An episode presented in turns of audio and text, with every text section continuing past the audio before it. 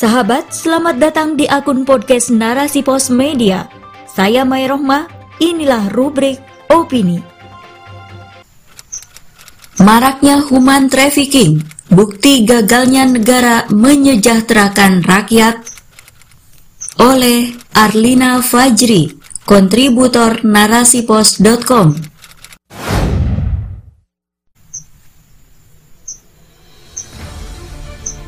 Sindikat Perdagangan melalui Pekerja Migran Indonesia atau PMI ditangkap polisi di Bandara Internasional Soekarno-Hatta.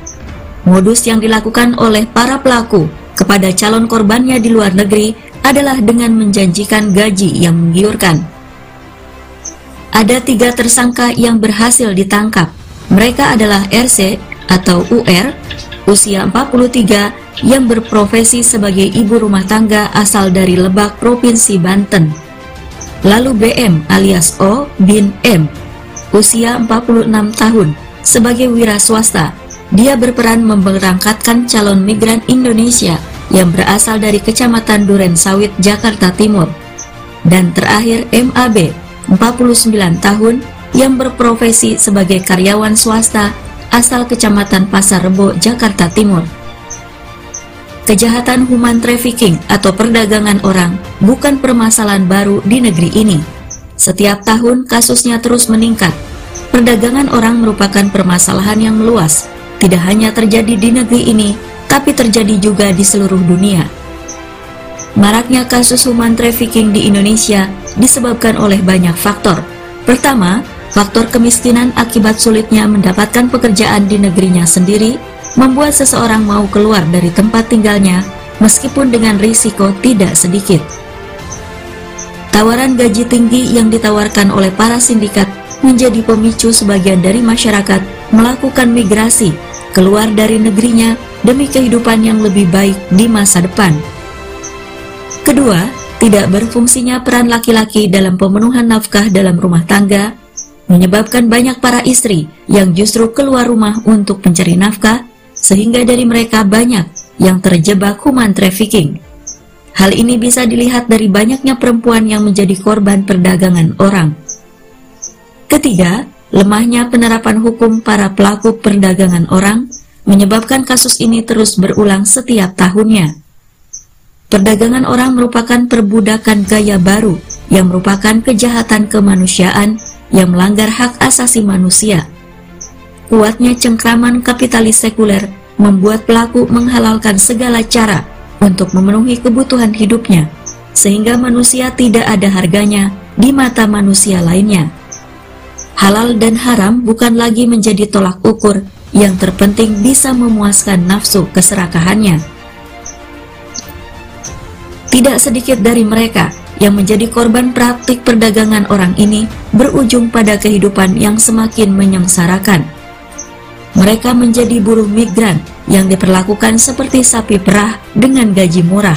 Ada yang dipaksa menjadi pekerja seks komersial, perbudakan berkedok pernikahan dalam bentuk pengantin pesanan, pembantu rumah tangga, pengemis, pengedar narkoba, dan lain-lain.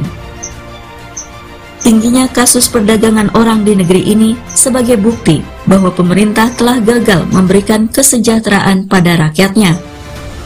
Tidak tersedianya lapangan pekerjaan yang memadai membuat rakyat nekat untuk bekerja di luar negeri meskipun dengan keahlian terbatas dan terkendala penguasaan bahasa. Dengan kekayaan negara Indonesia yang melimpah ruah, harusnya kehidupan rakyat negeri ini sejahtera, sehingga tidak ada lagi kasus perdagangan orang. Namun, karena tata kelola negara yang amburadul, tingginya tingkat korupsi, sumber daya alam yang dikuasai oleh para korporasi yang didukung oligarki membuat kehidupan rakyatnya terkungkung dalam kemiskinan. Mereka dimiskinkan secara struktural. Akhirnya, untuk keluar dari jerat dari kemiskinan, mereka harus keluar dari negerinya demi mencari sesuap nasi.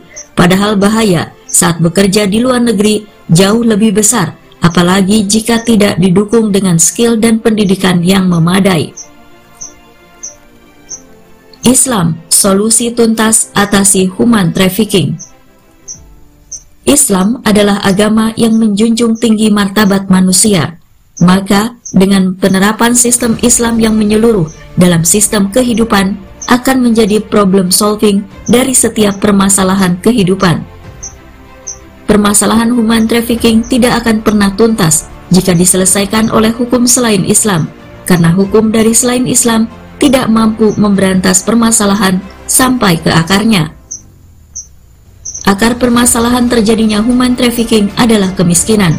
Dalam Islam, untuk memutus remata rantai itu adalah penerapan sistem ekonomi Islam yang akan mewujudkan kesejahteraan masyarakat, di mana negara diharuskan untuk mengelola kekayaan yang sudah Allah anugerahkan kepada negeri-negeri kaum muslimin berupa sumber daya alam yang melimpah ruah. Kekayaan yang sejatinya milik umat harus dikelola oleh negara yang keuntungannya digunakan untuk kehidupan rakyat, bukan dimiliki secara perorangan atau diswastanisasi sebagaimana yang terjadi dalam sistem kapitalisme saat ini. Kewajiban negara mengelola sumber daya alam milik umat ini sesuai dengan anjuran hadis Rasulullah yang artinya kaum muslimin berserikat dalam tiga perkara yaitu padang rumput, air, dan api. Hadis riwayat Abu Dawud dan Ahmad. Selain negara memiliki kewajiban dalam mengelola kekayaan milik umat, negara juga memiliki kewajiban menyediakan lapangan kerja untuk rakyatnya, khususnya bagi laki-laki yang menjadi pemimpin bagi keluarga. Sehingga dengan berfungsinya peran laki-laki dalam pemenuhan nafkah, tidak ada lagi perempuan-perempuan yang bekerja meninggalkan rumahnya dalam waktu yang cukup lama dengan bekerja di tempat-tempat yang rawan dengan kekerasan dan pelecehan seksual human trafficking dan kemiskinan akan bisa diatasi jika negara mau menjadikan Islam sebagai sistem yang mengatur kehidupan, di mana kedaulatan ada di tangan syara dan negara memaksimalkan perannya untuk memenuhi kehidupan rakyat baik di bidang sandang, pangan, dan papan. Sehingga ketika kesejahteraan sudah berhasil diwujudkan, maka angka kriminalitas pun akan menurun. Selain itu, terwujudnya penegakan hukum yang adil akan memberi efek jera bagi pelaku kejahatan. Sebuah negeri ketika mengabaikan aturan Allah dan Rasulnya, maka akan terjadi kerusakan di segala sendi kehidupan. Tidak ada keberkahan di langit maupun di bumi. Allah subhanahu wa ta'ala berfirman, Jikalau sekiranya penduduk negeri-negeri beriman dan bertakwa, pastilah kami akan melimpahkan kepada mereka berkah dari langit dan bumi. Tetapi mereka mendustakan ayat-ayat kami, maka kami siksa mereka disebabkan perbuatannya. Quran Surat Al-A'raf ayat 96 Tentunya, keberkahan dari langit dan bumi akan Allah ciptakan jika aturan Islam ditegakkan dalam kehidupan, sehingga terwujud negara yang baldatun, toyibatun, warobun, wafur. Wallahu a'lam bisawab.